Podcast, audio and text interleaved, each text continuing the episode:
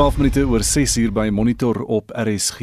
En 'n oorsig nou oor die koerant voorblaaie van Maandag 19 Oktober. Die burger vanoggend Floyd woedend na Zondo sy spoorvat. Kommissie het politieke agenda sê hy. En dit nadat adjunkhoofregter Raymond Zondo glo groot banke gedagvaar het om toegang te verkry tot die EFF leiers se bankrekeninge. En dis volgens berigte gister in die Sunday Times. Maar kenners sê as hulle niks het om weg te steek nie, hoef hulle nie bekommerd te wees nie. Daar's nog berigte op die burger, sewe sterf in ongeluk op N2 en dit tussen uh, rivier sonder end en stormsvlei. Ook Mkhize en sy vrou het COVID-19. Dis die minister van gesondheid self wat bekend gemaak het dat hy die koronavirus opgedoen het.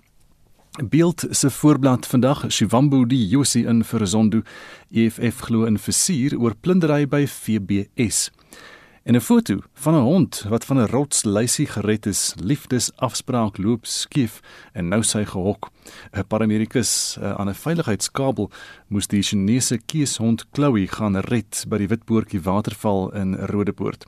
Daar's ook 'n berig in beeld vandag al 5 lyke gevind nadat 'n motorboot op Valrivier omslaan. 'n Snuffelhond moes help soek na die 5 mans wat op die boot gekuier het en al die besonderhede is daar in die berig. Volksblad se digitale voorblad, die groep was reg vir konflik. Ontsnap roetes vooraf beplan, polisie stuit hulle om vrede te bewaar. Dis gewapende burgerlikes wat Vrydag in en om Senekal en in die koppe bo die dorp gereed was om in te gryp sou die spanning tussen die EFF en die burgerlike groepe hand uitdruk. Al die besonderhede van daardie plan en die operasie is in Volksblad se hoofberig vanoggend en ook 'n berig Vredemakers dien eh, toe stil stil naaste in Senekal en is 'n klein groepie in grys teemde wat in die niemandsland tussen die twee groot strydende groepe in Senekal help vrede gemaak het Vrydag. Internasionaal op bbc.com Italië is die jongste Europese land om sy reëls te verskerp weens 'n toename in COVID-19 gevalle en duisende Franse woon by einkomste oor die land heen by om steun te wys aan Samuel Paty, die onderwyser wat onthoof is nadat hy tekenprente van die profeet Mohammed aan sy klas leerdlinge gewys het toe hy hulle van spraakvryheid geleer het. Die moordenaar is deur die polisie doodgeskiet. Dis vinnige oorsig oor vanoggend se nuus. En terug in Suid-Afrika, die uitvoerende hoof van Proudly South African skryf die afgelope naweek in 'n meningsstuk dat Suid-Afrikaners plaaslik moet koop om die ekonomie te help. Sy sê mense moet winkels in jou eie woonbuurt ondersteun en goedere koop wat plaaslik vervaardig word. Probeer jy sover moontlik jou plaaslike winkel ondersteun soos byvoorbeeld 'n slaghuis of kafee wat vars groente verkoop? Is daar moontlik ander redes waarom jy verkies om daar te koop? Of doen jy jou inkopies op 'n manier wat vir jou vinnig en gemaklik is, soos byvoorbeeld om na groot kettingwinkels te gaan? Stuur vir ons 'n SMS na 45889. Onthou dit kos R1.50 of gaan na facebook.com vorentoe skynstreep ZRSG of WhatsApp vir ons stemnota by 076 536 6961 076 536 6961 16 oor 6 in die tussentydse voorsitter van die Eskom Raad, Malegapuru Makgoba, het lede van die parlement gevra om geduldig te wees terwyl hulle die kragreus probeer regryk. Eskom se bestuurders, sowel as die minister van openbare ondernemings, Pravin Gordhan, het uh, voor die parlement se staande komitee oor openbare rekeninge verskyn om hulle oor verskillende kwessies in te lig. Parlementslede eis dat vinniger opgetree moet word teen diegene wat bygedra het tot die huidige toestand van Eskom. Zelin Merrington het meer. Lede van Skoor wil weet wie verantwoordbaar gehou sal word vir onreëlmatige besteding en oortollige betalings by Eskom. Behalwe dat hulle reeds sake aan die spesiale ondersoekeenheid oorhandig het, sê Eskom se hoof, Andre de Ruyter, daar is berge papierwerk waardeur hulle moet sif. These are complex matters and there was in many instances, deliberate obfuscation of documentation, of procedures, and we have to very carefully pick through all of the evidence so that when we proceed with both civil and criminal claims that we have a high probability of success. To give members perhaps a flavor for the complexity of uh, the volume of work involved in these investigations, there are files and files and files of claims, contracts, and documents that have to be perused and gone through uh, all put in place to create the uh, semblance of legality and the semblance of propriety. Die entiteit se waarnemende hoof van die regsafdeling Bartlett Hewa sê hulle werk saam met regstoepassers. And also from our own efforts as Eskom, we instituted a, a civil process on the 3rd of August against Tegeta, the Gupta brothers, their associates, uh, former ESCOM employees and former ESCOM executives, where we were claiming the sum of 3.8 billion rand, which was related to the acquisition of Optimum coal mine. There's also a former minister as part of that court process. We have also pursued uh, the likes of uh, Deloitte. We are also finalizing our court papers to pursue PwC Die tussentydse raadsvoorsitter Malegapuru Magoba het aan LPS gevra om bietjie meer geduldig te wees.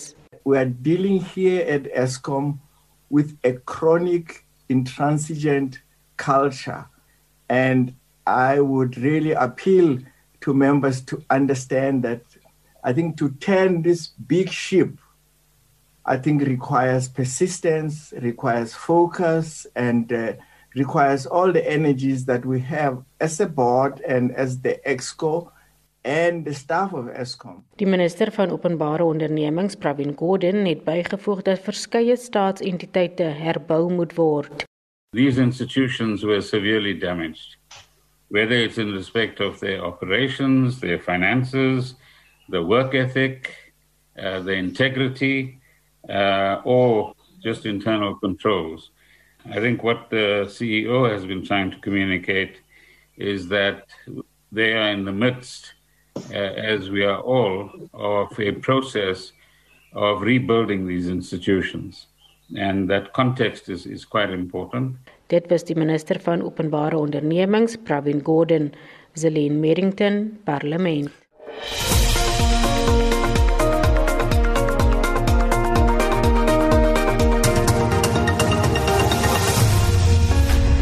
En nou gaan ons na die Oeverberg, die gemeenskap van die Teewaterskloofdam naby Verliersdorp, het die naweek 'n dankseggingsseremonie gehou. Die Weselike provinsie se grootste dam loop die eerste keer in 'n dekade oor vanweë goeie reën en sneeu gedurende die wintermaande. Die damvlak het 3 jaar gelede op slegs 13% gelê. Esie de Klerk het meer. Organiseerders het al dank uitgespreek nadat mense opgedaag het om deel te wees van die dankseggingsseremonie. Mense het gesing en gebid. Een van die organiseerders, 'n afgetrede sakeman van Caledon, Louis Jordan, sê dit is 'n wonderwerk. We had terrible, terrible droughts, and we have uh, all these sandstorms. People excavating sand from the dam because it was all dry. And then all of a sudden, this rain started to come this year, and the snow, and just come and fill up this dam for us. And we're so grateful. It's just unbelievable. Diegene wat daar was, sê hulle die dam nog nooit so vol gesien nie. Die arme nasionale redding se huisie sit so om die draai hier van hier af. Hulle kon nie eens met 'n boot na amper naby die water kom nie, want daar was nie water nie. Die seiljagte van Verleesdorp het almal droog gelê 100 200 meter van die water af. Daar was geen nut vir 'n boot nie want jy kon hom nie gebruik nie. The first time we got to the dam, it was on the other side of the wall, at the bridge there. It was empty, empty, empty. There was no water. I passed this pass many, many times, and it was, you know, I mean, to see it like it was a dam, but in a dam, you could have walked in the dam, you could have ride with your bicycle, even with a car. And I mean, to see it three years down the line like this, it's amazing. Kaapstad kon ook 'n jare wat gelede dag 0 ontsnap.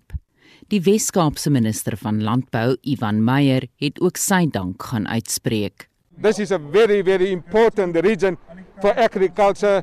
This is the biggest agricultural export region here in the Western Cape and I'm deeply thankful that this dam which is a major dam in terms of the Western Cape water distribution network a significant dam and today our joy is overflowing as the dam is overflowing for farmers. This is significant. This is really a Thanksgiving Day for the good rain for agriculture in the Western Cape. Meyer sê die droogte het gemeenskappe geleer om water meer spaarsamig te gebruik. Die verslag is saamgestel deur Chris Mabuya in Kaapstad. Ek is Estie de Klerk vir SAK nuus. Nou so 26 minute oor 6 en Suid-Afrika produseer jaarliks 31 miljoen ton voedsel, maar 'n derde daarvan word vermors. Terwyl die vermorsing plaasvind, gaan slaap sowat 12 miljoen mense in Suid-Afrika daagliks honger. Die bestuurshoof van Foodco en 'n lid van die jeugleiersorganisasie YPO, Riel Malan, sê voedselvermorsing kan gestop word. Maar vetsig het twee komponente, né? Vetsig is aan die een kant kan jy te veel hê of jy kan net die verkeerde vir koolhidrate kan jy inneem. Ek dink ons is in Suid-Afrika bekend daarvoor 'n groot deel van ons populasie neem die verkeerde koolhidrate in en ek dink dis 'n groot probleem daarmee. Ons het definitief met COVID gesien dat as jy kyk na van die studies wat gedoen is dat tot 50% van ons populasie was nie seker waar hulle volgende maaltyd vandaan sal kom nie. So dit is definitief 'n 'n resep vir 'n sosiale probleem op die lang termyn en ook waarom ek dink dikwels mense die verkeerde koolhidrate eet. So die beweging na gesonder kos en om seker te maak dat en dis maar 'n ekonomiese probleem. As die ekonomie beter vaar, dan uh, is mense mos nou maar meer voedsel sekuur en dit is nie daai persentasie nie, maar selfs voor Covid ons geslaan het, was die gevoel dat ons rondom 25 tot 30% van ons mense nie geweet waar hulle volgende maaltyd vandaan sal kom. Ons weet van selfsprekend dat ons weet wat ons gaan 'n maaltyd hê vir ontbyt, vanmiddag en aandete, maar daar's 'n groot deel van ons bevolking wat nie daar is nie. En dit is uit en uit suiwer 'n ekonomiese en 'n werkskepingsprobleem. Wat natuurlik landbou 'n groot bydraer is ook. Die vind dat in areas waar kos geproduseer word, is is hierdie probleme baie minder aanwesig want per definisie werk jy met kos. En landbou op die oomblik deur die hele COVID krisis wat ons nou gegaan het, het eintlik baie goeie resultate getoon en toon baie goeie resultate op die oomblik. En is 'n baie groot werkskeper. Klimaatsverandering het ook 'n bepaalde invloed op voedselproduksie. Groot is daai impak. Dit raak toenemend meer volatiel. Ek dink ons sien dit, ons sien dit in ons produksievlakke waar jy in die verlede eenmal elke 10 jaar byvoorbeeld 'n haalstorm gehad het, sal jy meer dikwels probleme, produksieprobleme as gevolg van klimaatsprobleme ervaar. So wat dit gaan bring is twee dinge. Ons sal moet ons risiko begin afdek van die klimaat. So dis waarom oral waar jy ry, jy sien al meer nette, jy sien al meer tunnels Jy sien al meer uh, die Engelse woord factory farming wat spesifiek die risiko afdek van produksie. En aan die ander kant gaan jy sien dat dat jy gaan dit wels tekorte sien wat gaan ontstaan wat outomaties in verhoogde pryse op die rakke gaan deurgegee word na verbruikers toe. So so klimaatsverandering het ongetwyfeld 'n koste impak vir die produsente om seker te maak hulle dek hulle self af en daai daai koste komponent gaan op ons borde eindig ongetwyfeld. Ek ek dink mense moet in baie meer detail gaan kyk na kosvermorsing en presies kyk wat word wel gebruik van hierdie kos wat in in teorie vermors word. Ek wil jy het ook 'n komponent van kos wat wonderrakke by sy verkoopsdatum uitkom wat eenvoudig net nie verbruik weer kan word nie. Ons praat van spesifiek baie baie bederfbare produkte soos vleis en 'n paar ander dinge. So so ek dink daar is daar seker aspekte ons is 'n wêreld wat na gemak toe gaan en wat na prepacked en voorbereide kos pakkies toe gaan. En en dan as daai daai goed word alles getoets om te kyk dat hulle optimale tyd dan nou nie van die van die rak afgehaal word wat op ander ons dan by ons expiry date kom. So mense moet baie mooi gaan kyk en gaan opbreek watter gedeeltes van die voedselketting is iets wat byvoorbeeld net teruggaan en en is 'n wortel byvoorbeeld nie gebruik word nie omdat hy skeef is. En hy gaan terug in die grond en is dit kos wat gemors word of is dit organiese 'n deel van die produksieproses wat eenvoudig mos nou maar net wat daar is. Daar is definitief verbruikers weerstand teen hierdie perfekte produkte wat op die rakke gesit word. Ons sit in in Europa sien ons veral daar's 'n handelsmerke wat begin fokus op een een is ugly fruit, die ander een is wonky fruit. En die goed is al geregistreer om seker te maak dat daar 'n groter persentasie van hierdie skewe en krom vrugte en groente wel verkoop word en dat dit amper uh, as handelsmerke uitgestoot word weet dit maak dit dit amper meer aanvaarbaar is want want verbruikers koop maar met hulle oë. So as die verbruiker begin skuif na 'n punt waar hy nie noodwendig 'n perfekte produk wil hê nie, dan gaan dit definitief daai syfer wat ons na kyk of die teoretiese syfer uh, rondom voedsel wat vermors word heel moontlik afbring. So ek dink dit is 'n kombinasie van persepsie wat 'n bietjie moet verander en ons bietjie ons inslag wat oor wat ons bereid is om te koop en wat ons bereid is om nie te koop nie. En dan moet ons dink ek die verbruiker ook 'n bietjie meer bewus maak van die feit dat 'n kromwortel dit dieselfde voedingswaarde as reguit word.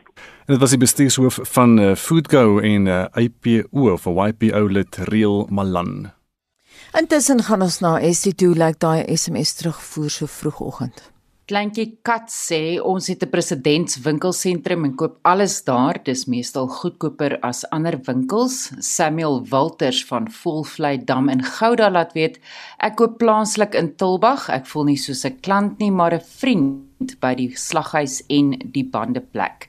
En Loukie van Ermelo sê as ek vleis koop, koop ek direk by die plaasboer want slaghuise vra baie duurder. En Bets Ferreira skryf gedurende die Grendelperiode het ons plaaslike kafee baie moeite gedoen om vars gebakte brood, vars groente en vrugte en die nodige kruide nuusware te lewer. Ek koop sedertdien baie daar. Vleis koop koop ons by ons plaaslike slagter wat die beste wors en biltong in Pretoria maak. En Anton van Pretoria sê by die plaaslike winkel is dit te duur. Ek koop nie daar nie. Ons wil vandag by jou weet, probeer jy sover moontlik jou plaaslike winkel ondersteun, soos byvoorbeeld jou slaghuis of kafee wat vars groente verkoop? Is daar moontlik ander redes waarom jy verkies om daar te koop of doen jy inkopies op 'n manier wat vir jou vinnig en gemaklik is, soos byvoorbeeld by 'n groot kettingwinkel. Stuur vir ons 'n SMS na 45889 teen R1.50 per SMS. Gesels saam op ons Facebookblad by facebook.com vorentoe skynstreep ZARSG of WhatsApp vir ons stemnota na 076 536 6961. 25 minute voor 7 en Shaun Jooste het 'n oorsig van die naweek se sportuitslae. Kom ons kyk na van die naweek se sportgebeure. Op die rugbyveld het die Stormers die Lions in die plaaslike Super Rugby reeks met 23-17 en die Cheetahs die Bulls met 19-17 geklop. Die Griekwas het 27-21 teen die Pumas verloor. Die tellings in die onder 21 kampioenskappe was Bulls 72, Sharks 26 en WP 47, Cheetahs 28. En toe terug Piet Nieu-Seeland die Aussies gister in die tweede Bledisloe beker kragmeting met 27-7 afgeronsel. Muurbal. Die Suid-Afrikaanse nasionale kampioenskappe is oor die naweek in Pretoria afgehandel. Christo Potgieter het met die louere in die mansafdeling weggestap en dit was na 'n vyfstel oorwinning oor Juan Olivier. En Alexandra Fuller het Lazelle Miller in die vroue eindstryd in 3 stelle oorrompel. Netbal. Die tellings in gister se 5de ronde van die Telkom Netball Liga was Southern Sting 37, Crinum 36, Allows 39, Kingdom Queens 34, Sunbirds 32, Baobabs 29, Tornadoes 42, Diamonds 36 en Golden Fireballs 41, Flames 34. Op die cricketveld moes beide gister se IPL wedstryde deur Super Bowl beurte beslis word. Die Mumbai Indians en Kings 11 Punjab het op 176 en die Sunrisers Hyderabad en Kolkata Knight Riders op 163 geëindig, maar dit was te Punjab en Kolkata wat as oorwinnaars uit die stryd getree het. Die Delhi Capitals het Saterdag met 5 paaltjies teen die Chennai Super Kings en die Royal Challengers Bangalore met 7 paaltjies teen die Rajasthan Royals geseëvier. Fietsry Na 15 skofte van die Giro d'Italia dra Joel Mida van Portugal steeds die voorloper se pink trui. Wilco Kelderman van Nederland is nou 15 sekondes agter hom in die tweede plek met die Aussie Jai Hindley nou derde. Suid-Afrika se Louis Mentjes is 41ste. Matthew van der Poel van Nederland het die Tour van Vlaandere, 'n eendag patrioties in België gewen. Motorsport. Alex Rins, Alex Marquez en Johan Mir het vir 'n Spaanse podium in gister se MotoGP wedren daar in Spanje gesorg. Suid-Afrika se Brad Binder het 11de geëindig en sy broer Darren was tweede in die Moto3 wedren ook in Spanje. Sokker. Die tellings van die naweek se wedstryde was in die MD8 toernooi: Mamelodi Sundowns 0, Bloemfontein Celtic 1, Kaizer Chiefs 2, Maritzburg United 1, Orlando Pirates 1, Cape Town City 0 en TTM 2 SuperSport United 3. In die Engelse Premierliga, Leicester City 0 Aston Villa 1, Tottenham Hotspur 3 West Ham United 3, Newcastle United 1 Manchester United 4, Manchester City 1 Arsenal 0 en Everton 2 Liverpool 2. In Spanje het Barcelona 1-0 teen Getafe en Real Madrid ook 1-0 teen Cadiz verloor. In die Bundesliga, Augsburg 0 RB Leipzig 2 en Hoffenheim 0 Borussia Dortmund 1. In die Serie A in Italië het Napoli vir Atalanta met 4-1 afgedraf en Inter Milan het 2-1 teen AC Milan verloor. En laastens op die golfbaan het die Amerikaner Jason Kokrak op 20 onder die titel by die CJ beker in Las Vegas ingepalm. En die Spanjaard Adrian Otaegi het die trofee by die Skotse kampioenskappe gelig en op 23 houe onder die baansyfer geëindig. Suid-Afrika se Bryce Easton, Brandon Stone en Justin Walters was gesamentlik 16de op 11 onder. Shaun Schuster, SAK Sport. Dis nou so 21 minute voor 7 en 'n Durban gebaseerde organisasie wat op TB en HIV navorsing fokus, het wetenskaplikes en kunstenaars byeengebring om die COVID-19 pandemie deur kuns te interpreteer. Organiseerders van die kunskompetisie was baie beïndruk met die gehalte van die inskrywings en kunstenaars van reg oor Afrika het 5 toppryse en 15 meriete toekenninge ontvang. Die eerste prys is gewen deur Ras Silas Motse van Soweto en Dries Liebenberg berig. Motse het polisiemanne met knippels geteken wat 'n tingerige jong vrou verdwerg waar sy voor hulle kniel. Dit lyk of die masker wat sy dra haar enigste beskerming is. In die agtergrond betoon skadu figure eer aan gestorwenes. Met die 3 meter by 1.8 meter groot kunswerk lewer die oud onderwyser van Soweto kommentaar op onstuimige gebeure tydens die COVID-19 pandemie soos uitsettings en die Zimbabwe Lives Matter beweging. Most of the time people couldn't understand what is happening. People were just asking themselves, is this COVID uh, you know, is it coming? Is it planned? What's happening? So for me, it opened those particular questions that I, I said. And so for me, the inspiration for the artwork it, it comes from it comes from what was happening, the impact of, of, of COVID into our lives. 'n Organiseerder, Dr Victoria Kasprovic van die Sub-Saharan African Network for TB HIV Research Excellence in Durban, sê COVID-19 het 'n guldige geleentheid vir gesprekvoering tussen wetenskaplikes en die publiek gebied. We at Sante feel it's vital for scientists to engage with the public about ongoing science. We feel it's crucial to hear thoughts and opinions, engage the level of understanding. We were particularly excited to do a project um, engaging with the public um, around COVID 19 because there is so much information being generated at the moment, and we thought it would be an ideal opportunity for members of the public to sit down with our scientists. Wetenskaplikes en kunstenaars het virtuele slypskole bygewoon om die pandemie te bespreek. Die meeste mense reken seker dat wetenskap en die kunste niks gemeen het nie. Kasprovic verskil egter. Artists and scientists are similar in a way. We both seek to describe the world around us, except artists do this by developing um, visually stunning and compelling creations. Um, so it was a very exciting project to be involved with. Die wenner van die tweede prys, die Kenyaanse kunststudent Zefania Lukamba, gesels oor sy verontrustende uitbeelding van 'n leë straat tydens die klokreël in sy tuisland. Komamagili is a painting inspired by a woman I know who works very hard and her, her business runs into the wee hours of the night. So because of the curfew implementation, she wasn't able to continue working up to the time she wanted and she had to close down, affecting her business. Motse sê die pandemie het ook nie kunstenaars gespaar nie. That was the first structure that COVID has demolished, which is the income. And number two, we couldn't socialize. As an artist, you need to socialize. You need to meet people. You need to, you know, open up and know what is happening. That was also a problem. And then I can say uh, events that were, you know, confirmed. You know, for a lot of people, for us as artists, it affected us. Uh, because you know it's not all about about money when it comes to events. It's about meeting the new new people, having new content, you know, getting to know what is happening around here. Die kunswerke gaan aan verskeie organisasies geskenk word waar dit hopelik sal help om die openbare debat verder aan te wakker. Ek is Dries Liebenberg in Durban. 17 minute voor 7 by Monitor op RSG en ons bly by die onderwerp. Die COVID-19 pandemie het ons 5 tot 8 jaar teruggesit in die stryd teen tering. Dis maar een van die punte wat gemaak word in 'n verslag deur die Wêreldgesondheidsorganisasie. Die verslag wat pas vrygestel is, beskryf die situasie as katastrofaal. Vir meer insette hieroor praat ons nou met professor Martie van den Walt van die Mediese Navorsingsraad se Tering platform. Martie, goeiemôre. Goeiemôre Justin. Dis Gustav hier. So die kruks van die verslag blyk die invloed van COVID-19 op TB te wees. Vertel ons meer daarvan. Ja, dit blyk werklik of dit katastrofaal kan wees.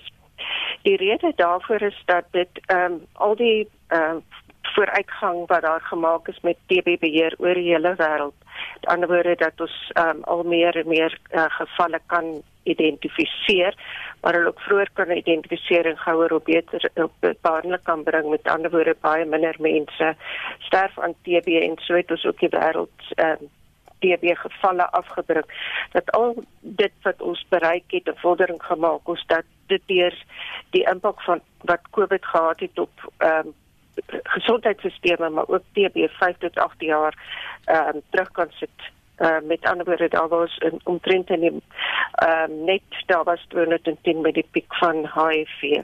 Hmm. Nou ons het in Mei gepraat met jou hier op monitor en toe ons gesê het dat 4000 mense per dag wêreldwyd aan TB sterf in daardie stadium. Hoe lyk die teringssyfers tans nou wêreldwyd? Wel eigenlijk lyk dit ehm um, daar of daar ehm um, met die nuwe gevalle daar ongeveer ehm um, 'n miljoen mense ehm um, per jaar aan TB sterf. Mm -hmm. So ons kan dit gerus terugwerk en dan kan ons sien hoeveel daar per dag is. In Suid-Afrika is dit ehm um, bevind dat in laas jaar 22000 mense oor die hele jaar aan TB gesterf het. Hmm. Wat ehm um, ook ehm um, as mens per maand uitwerk, is dit werklik baie groot getalle. En hoe verwant is COVID-19 en TB? Is dit moontlik om dit al te sê? Ja, dit die die twee is verwant nie omdat dit werklik waar ehm um, amper dieselfde siektes of van dieselfde hmm. tipe ehm um, bakteriese ehm um, ehm um, tipe organismes dis maar meer as gevolg van dit wat dit die simptome wat dit veroorsaak beide um, kan gepaard gaan met ehm um, hoes en koors en seer lyf. Alhoewel dan as persnes by daardie punt kom is manifesteer die twee heeltemal verskillend. Maar daar baie van die mense in die dienste en die hulpmiddele laboratorium ehm um, ehm um, masjiene uh, wat gebruik word vir TB diagnose word ook net so vir COVID diagnose gebruik. Hmm. So daar is 'n taamlike ehm um, area waar die twee siektes sodra ehm um, ooreenkom. Hulle word ook baie in dieselfde maniere oorgedra en die manier hoe ons die twee siektes wil voorkom is ook baie dieselfde. En is taamlik ironies natuurlik dat ehm um, in Suid-Afrika het ons voor die pandemie besonder goed gevaar in die stryd teen tering en toe kom COVID-19 nou. Ja, nee, dit is beslis so as mens kyk in die jare van ons TB beheer voor nou ehm um, voor 2020 nou tot op met wat ons nou in die wêreld gesondheidsorganisasie verslag gesien het. Dan mens sien dat ons dit werklik baie goed gedoen. Ons gevalle het afgekom, minder gevalle. Ons ehm um, die ehm um, getal mense wat ons baie goed behandel het en die konsterftekoers is was werklik baie baie af. Maar as mens nou sien byvoorbeeld in die eerste 4 maande van hierdie jaar um, wat COVID gedoen het en opsigte van ons geval mense wat ehm um, met TB gediagnoseer is, dan sien ons daar is ehm um, omtrent ehm um, dit het meer as 'n 50% ehm um, getalle het geval van TB diagnose wat gemaak is. So met ander woorde as ons byvoorbeeld in in Januarie ehm um, 100 um, dit sou doen vir TB dan net ons hier rondom ehm um, my maand omtrent net ongeveer 25 uh, toetse gedoen. En dit is 'n baie slegte teken. Mense wil graag dat daar soveel as moontlik toetse gedoen word vir 'n siekte.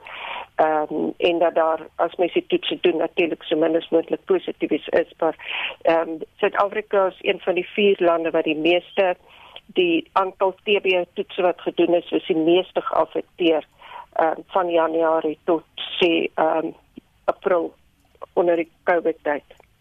Nou jou kollegas ons praat van uh, professor Bertram Fielding van die Wes-Kaapland en natuurlik professor Francois Venter van Wits het al uh, in vele onderhoude hier op monitor gepraat oor COVID-19 en gesê hierdie virus gaan nog lank met ons wees en dat ons nog dat ons nog vla van die virus gaan ervaar uh, wat die huidige een gaan laat lyk na kinderspeletjies. Hoe gaan ons onsself kan verskans teen hierdie teen hierdie virus om saam met hom te leef? Ek dink wat ons tot nou toe gedoen het met met ander woorde die ehm um, die sosiale impak en die dra van maskers met ander woorde die nie farma ekologiese intervensiemaatreëls is en bly van die beste maatreëls wat ons gesien het. Ehm um, as mens kyk na ehm um, beheer van mense binne in geboue, is dit bewys dat deur die dra van 'n masker en natuurlik sosiale afstand, waarom ook ventilasie, lugbeheer, lugvloei in 'n gebou te is net slegs daardie twee saam is van die beste maniere om jouself te beskerm teen ehm um, COVID. Met ander woorde, ons het die ons het die gedrag amper meeste van die tyd in by onsself ingeperk soos kan dit doen en dan moet ons net sorg dat daar goeie ventilasie is. Daar's ongelukkig geen ander kits oplossing nie wat ons sien met met COVID hierdie ehm um, hierdie met metodes om ventilasie ehm um, en om maskers te dra. Dit is dieselfde beheermaatreëls wat ons alle jare vir tuberkulose ook gepropoveer het ja. om van binne in geboue. So dit bly van die beste ehm um, goed te wees en dan natuurlik ook om beheer te op bewus te wees van die tekens en simptome. Hmm. En so gou as moontlik mediese sorg te soek. Martie baie dankie ons moet aanbeweeg professor Martie van der Walt van die Mediese Navorsingsraad se Tering platform. Gerugte oor 'n moontlike staatsgreep deur die weermag wil maar net nie gaan lê nie na 'n pas afgelope kaderberaad in Pretoria. Die afgetrede generaal Maomelo Mojomotao wat die beraad gereël het, het daarna ten sterkste ontken dat hy betrokke is by so 'n plan. Sommige ontleeders glo egter dat daar wel 'n vuurtjie is agter die spesifieke rookie wat nou so lekker trek. Ons praat ver oggend met professor Abel Esterhuise van die fakulteit Krygskunde aan die Universiteit Stellenbosch. Môre Abel Goeiemôre Anita.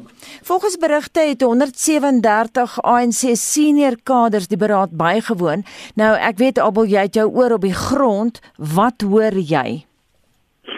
Wel, ek ek dink die eerste punt wat 'n mens moet maak is dat uh, ons waarskynlik nie naby 'n 'n staatsgreep situasie is nie. Uh, ons is definitief nie op daardie punt nie. Maar insgelyks moet 'n mens erken dat jy nogal ehm um, onrusbarende berigte in die media gesien het die afgelope tyd uh rondom ehm um, wat in die die breë samelewing oor die weermag ingange is. Ehm um, 'n tweede punt wat ek miskien net moet maak om om die punte kontekstualiseer wat hier aan die orde is. Ek dink 'n mens moet na Suid-Afrika kyk en verstaan dat uh, ons nog altyd 'n tradisie gehad het van generaals wat by politiek betrokke was, jy weet. Ons kan begin met Louis Botha en Smuts in uh die viljoens in die Malans en die in die Nyandas. Ehm um, maar wat van hierdie situasie veral kommerwekkend is waarmee ons nou sit is dat daar dit wil voorkom asof daar van ehm um, generaal Matalis se kan spesifiek uh oor hoe en en op 'n militêr organiserende wyse ingemeng word in faksiegevegte binne die ANC. En ek moet baie duidelik stel hier, dis nie die weermag nie, dis afgetrede uh, mense, maar daar is 'n poging van hulle kant af om die weermag wel te betrek. Mm. Generaal Solishoki het net verlede maand opdrag gegee dat weermagoffisiere juis nie gesprekke met ANC partylede moet voer nie. Hoekom is daai opdrag geïgnoreer? Wel, uh, generaal Shoki het natuurlik gedoen wat 'n mens verwag gedurende weermag hoof sal doen. Uh aan die een kant is dit nodig om die professionele integriteit van die weermag te beskerm om 'n boodskap aan die breë publiek te rig en dit duidelik te maak en versekering te gee dat die weermag nie by politiek betrokke is nie. Ehm um, maar ek dink ook dit was duidelik dat hy 'n direkte boodskap aan dienende lede van die weermag wil rig. Uh dat diegene ehm um, wat in enige vorm is hulle eie professionele integriteit moet beskerm uh deur nie by politieke aktiwiteite betrokke te raak nie. Maar en dis 'n groot maar. Generaal Shokke se hande is natuurlik tot 'n groot mate toe afgekap wat die politieke betrokkenheid en die politieke mobilisasie van afgetrede soldate betref, die sogenaamde war war veterans. En daar blyk dit 'n probleem te wees. Mm -hmm. Watter effek het die tweespalt binne die ANC op die weermag se funksionering? Ehm um, Ek dink nie daar's 'n daar's 'n direkte effek nie. 'n Mens moet in gedagte hou dat weermag binne 'n bepaalde konteks, binne 'n bepaalde politieke tradisie en binne 'n bepaalde politieke benadering staan en funksioneer aan die een kant en anderzijds word die weermag se taak en opdrag uh, natuurlik polities gegenereer. So so politiek is 'n belangrike ding vir die weermag. Maar en en en dis verskriklik belangrik die die weermag moet met fyn politieke nuances omgaan binne beide die politieke konteks en die politieke opdragomgewing en dit is waarom dit so krities belangrik is dat die weermag te alle tye moet sterk steun en eintlik gedefinieer moet word deur sy politieke uh, deur sy professionele uh, identiteit eerder as as sy politieke affiliasies. Ehm um, die probleem wat 'n mens natuurlik met weermagte sit is dat hulle toenemend as as 'n professionele identiteite so geïsoleerd raak van die samelewing dat jy eintlik met 'n met 'n teenoorgestelde tipe van situasie sit dat die weermag as instelling te geïsoleerd raak. Mhm. Mm Daar's ook kommer uitgespreek oor die feit dat so baie generaals lankal reeds verby aftree ouderdom is. Trouns James Defence Weekly se korrespondent in Suider-Afrika met wie ons ook op monitor dikwels gesels, Helmut Romer Heitman. Hy beskryf die situasie as erg nadelig. Hy die woord deleterious gebruik. Dis nou vir die weermag se struktuur. Wat presies is die posisie met die ou generaals? Ja, ek ek ek dink ons sit met met iets wat van 'n probeer probleem hier. Mense moet in gedagte hou dat internasionaal poog weermag om hulle generaals jonk en veerkragtig te hou. Ehm um, die gemiddelde ouderdom van Amerikaanse generaals is in die omgewing van 52. Brittanje probeer hulle kolonels ehm um, op 42 jarige ouderdom kolonels maak om om seker te maak hulle generaals is veerkragtig. In die geval van Israel byvoorbeeld sit ons met uh, brigadebevelvoerders wat hulle nou die die ouderdom wil afbestuur van 35 na na 32. Hmm.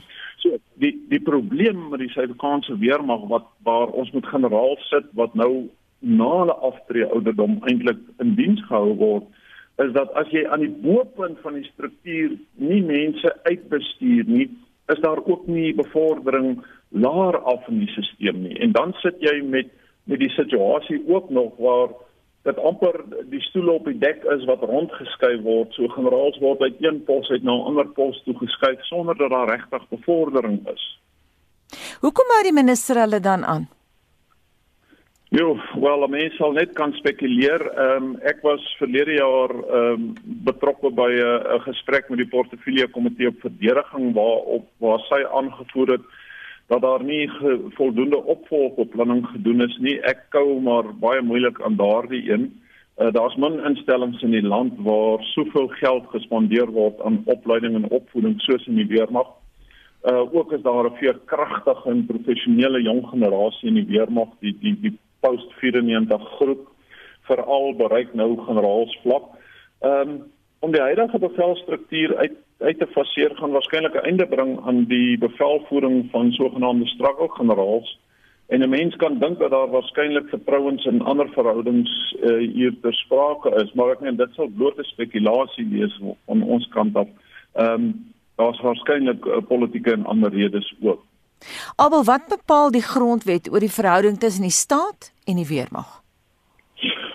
Wel, die, die grondwet is baie eksplisiet en baie duidelik oor die verhouding tussen die die politici en die weermag. Die probleem waarmee mense hier sit natuurlik is dat politici nie 'n homogene groep mense is nie. Uh, ons praat oor politici asof hulle 'n homogene groep mense is, maar hulle is nie. En in Suid-Afrika sit ons ook nog met 'n probleem en ek moet sê dis 'n probleem wat uit die apartheid era uitkom dat ons 'n onnatuurlike verhouding het tussen ons weermag en die uitvoerende gesag. Mense kan maar dink aan die verhouding tussen die die ou weermag en die nasionale party. En en daai die bevelsverhouding het net so voortge, voortgeduur in die, in die na 94 era. En, en daarteenoor is daar dikwels 'n stram verhouding tussen die weermag en en die parlementêre gesag. Ehm um, kom ons noem dit 'n begrotingsverhouding. So so dis die uitvoerende gesag teenoor die die wetgewende gesag. En dit affekteer die weermag ten diepste want die weermag sukkel op die oomblik met sy eh, met sy begroting. Baie dankie dit aan professor Abel Esterhuise van die fakulteit Krygskunde aan die Universiteit Stellenbosch. ST, ek verstaan jy het nog terugvoer vir ons. Ja, Anita, kom ons luister eers wat van ons luisteraars sê. Môre ek Lorraine Spamer van Benoni. Ek geniet dit om by my klein winkeltjies te koop dan weet ek ek kry vars groente uit die tuin uit. Ek weet ook ek kry vars eiers wat vanmôre uit die hok uitgehaal is. Hulle is ook baie effektief met spesiale behoeftes, spesiale bokmelk of wat ook al ons spesifiek nodig het. Ek geniet dit om by my klein winkeltjies te koop. Goeiemôre. Ek woon in Stylte in Nelspruit. Uh, dis 'n kilometer se stap soontoe terug van my huis af. So ek gaan doen al my inkopies by die Spar Styltes. Dis baie gemaklik en gerieflik en ons Spar het gewoonlik alles wat jy nodig het en as hulle dit nie het nie, dan bestel ons vriendelike bestuur dit vir jou. So ja nee, ek ondersteun my Spar want dan kry ek sommer oefening ook en stap heerlik en gesels met al die mense daar in die sentrum. En dan sê Lydia Annandale, ek koop my vleis by my plaaslike slaghuis. Hulle sny dit soos wat ek dit wil hê. Klere koop ek beslis nie trots Suid-Afrikaans nie. Die pryse is belaglik duur en die meeste van die items waarna ek gekyk het, is maar net so swak gewerk as ingevoerde klere. En dan sê Cecilia Massain Ferreira, twee kettingwinkels is binne loopafstand van my huis af, so hoekom sal ek verder loop as wat nodig is? Bly ingeskakel want na 7 praat ons met Jan Jan Joubert en die media kommentator en redakteur van Vrye Weekblad Max de Pre oor die gebeure op Senekal en hulle ontleed vir ons hoe ons die situasie in die toekoms hoe hy gaan uitspeel. So bly ingeskakel vir daardie onderhoud so 10 oor 7 se kant. En dit bring ons by 7 uur.